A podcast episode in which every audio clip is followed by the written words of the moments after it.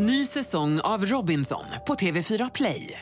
Hetta, storm, hunger. Det har hela tiden varit en kamp. Nu är det blod och tårar. Fan händer just nu. Det. är Detta är inte okej. Robinson 2024, nu fucking kör vi! Streama söndag på TV4 Play.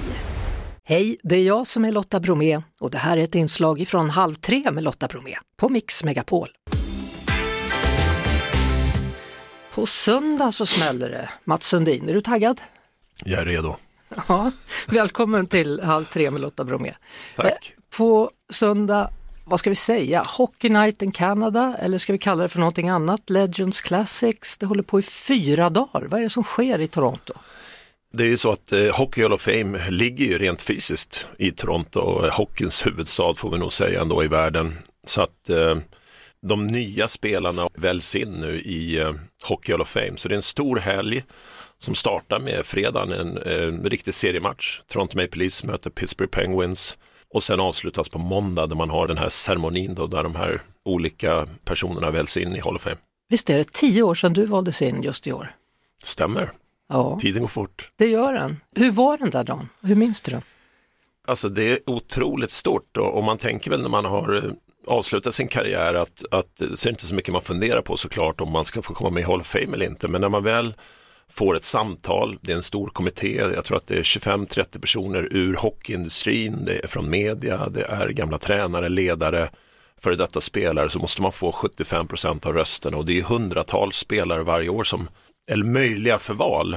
Så att bli en av de fyra då är ju en fantastisk ändå ja, ett erkännande för ens karriär och att man har eh, bidragit med någonting till ishockeyn i stort. Så det är en otroligt fin helg för de här som blir invalda. Och grejen var ju att vi hade en svensk invald innan dig och det var Börje Salming. Sen tog det ganska lång tid innan du kom och blev invald. Ja, och det får man titta tillbaks på svensk ishockey. Börje Salming var ju verkligen den som banade vägen kan man säga för europeer och för svenskar i NHL. Det var en väldigt eh, har varit en väldigt konservativ bransch i ishockeyn i Nordamerika. Man har varit rädd om sina egna jobb i Kanada och USA i NHL och så kommer det massa europeer och tar våra, våra jobb som spelare.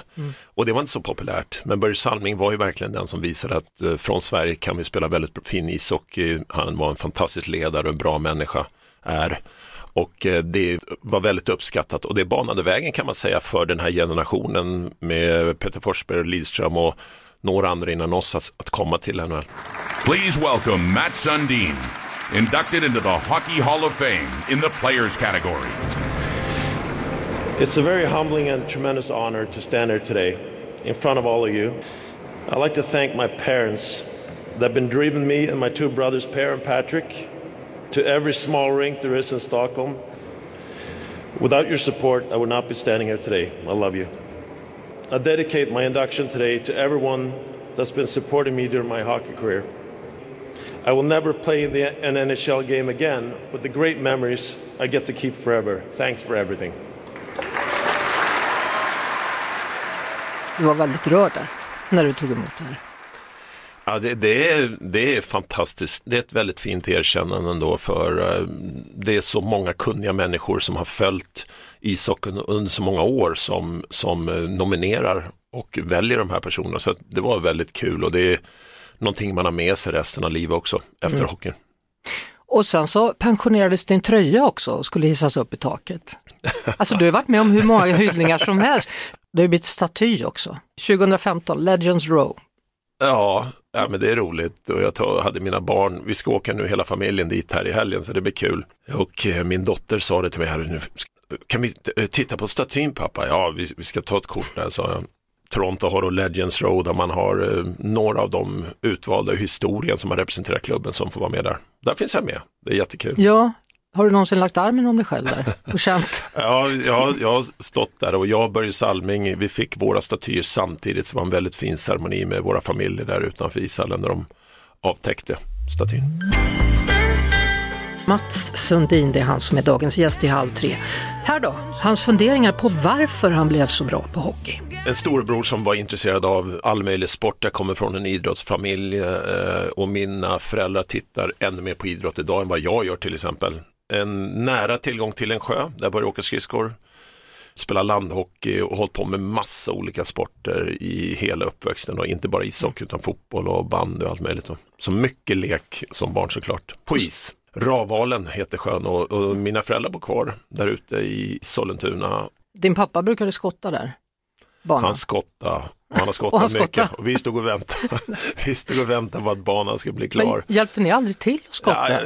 Ja, vi kan ha hjälpt till någon gång tror jag. Men det var ju väldigt fint då när liksom grannskapet på den tiden kom ner och du vet det var två kanaler på tv, det var ingen som, där satt mamma och pappa och då var det ut och leka på olika sätt. Det bidrog väldigt mycket till min eh, karriär tror jag. Du är fascinerad av det här med, med arv och miljö och hur mycket man rör sig när man är liten, hur det påverkar en i vuxenlivet. Sundin Fellowship tänker jag på. Ja, och det var väl någonting när jag flyttade hem till Sverige, jag hade ändå fått ut så otroligt mycket av någonting som det fortfarande är för mig idag. Ishockey är en lek, det är en sport.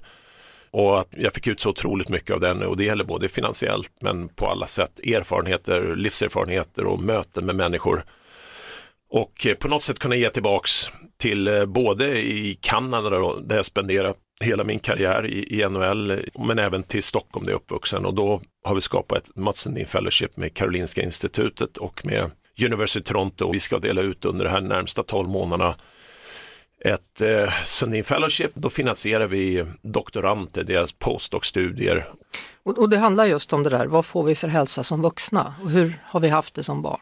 Ja, nu är vi fokuserade på de första 2000 dagarna i en människas liv. Det händer väldigt mycket då som påverkar oss resten av livet. Det där med att, att besöka sjukhus och så, det hade de ju väldigt tydligt i Toronto. Hur, hur var det liksom att göra de här besöken på sjukhuset?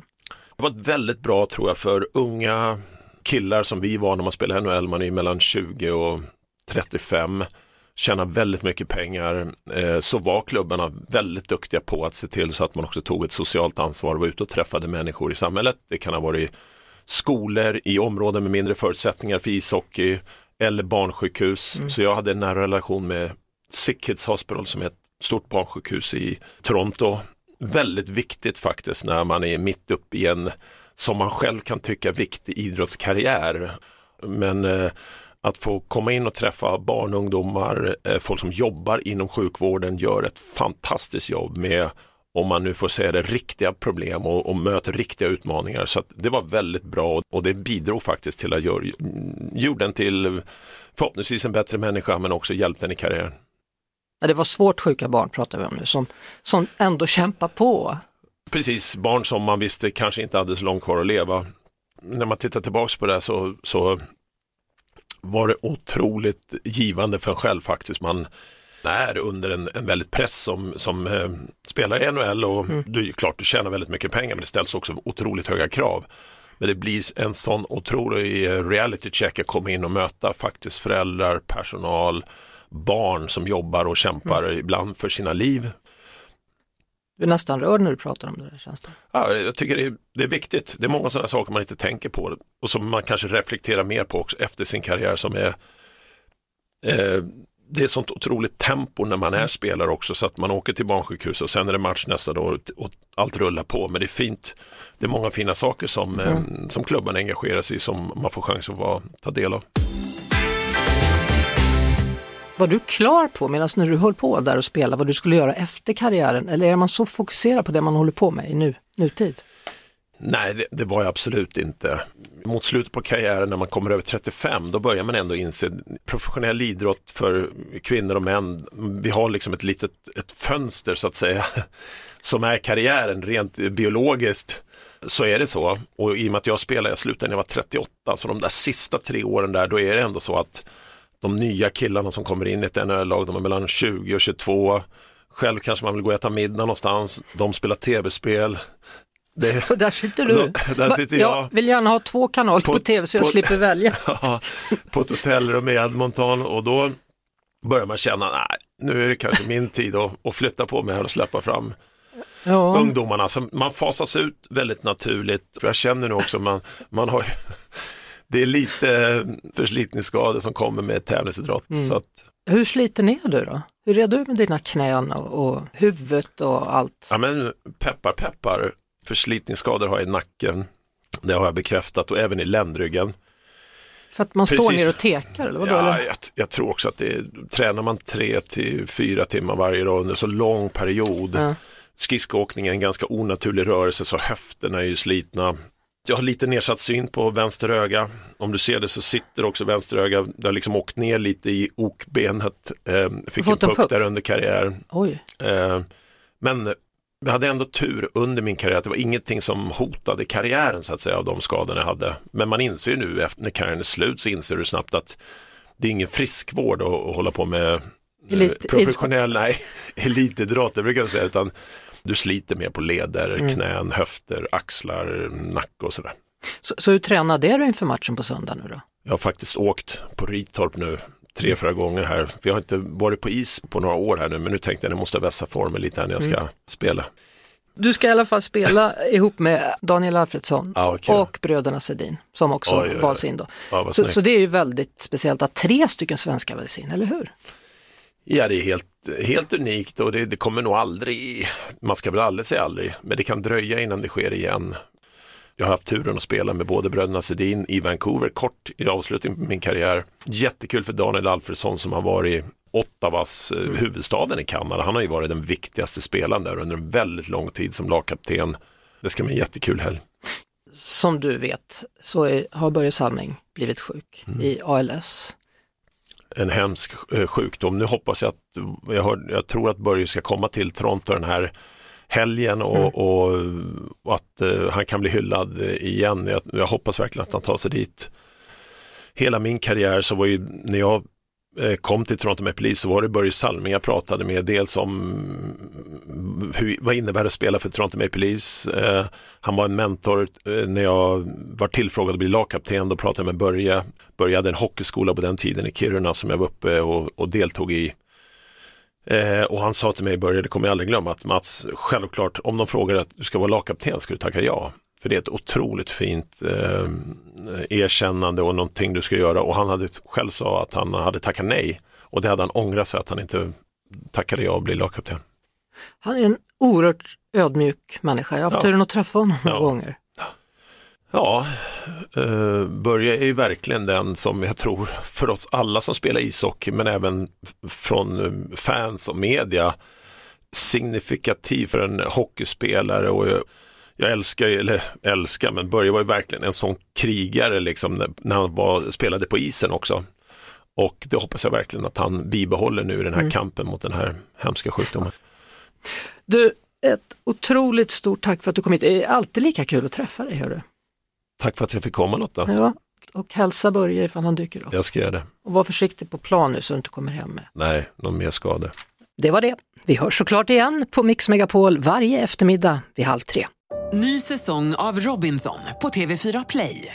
Hetta, storm, hunger. Det har hela tiden varit en kamp. Nu är det blod och tårar. liksom. Fan händer just det. Är detta inte okej. Robinson 2024, nu fucking kör vi! Streama söndag på TV4 Play.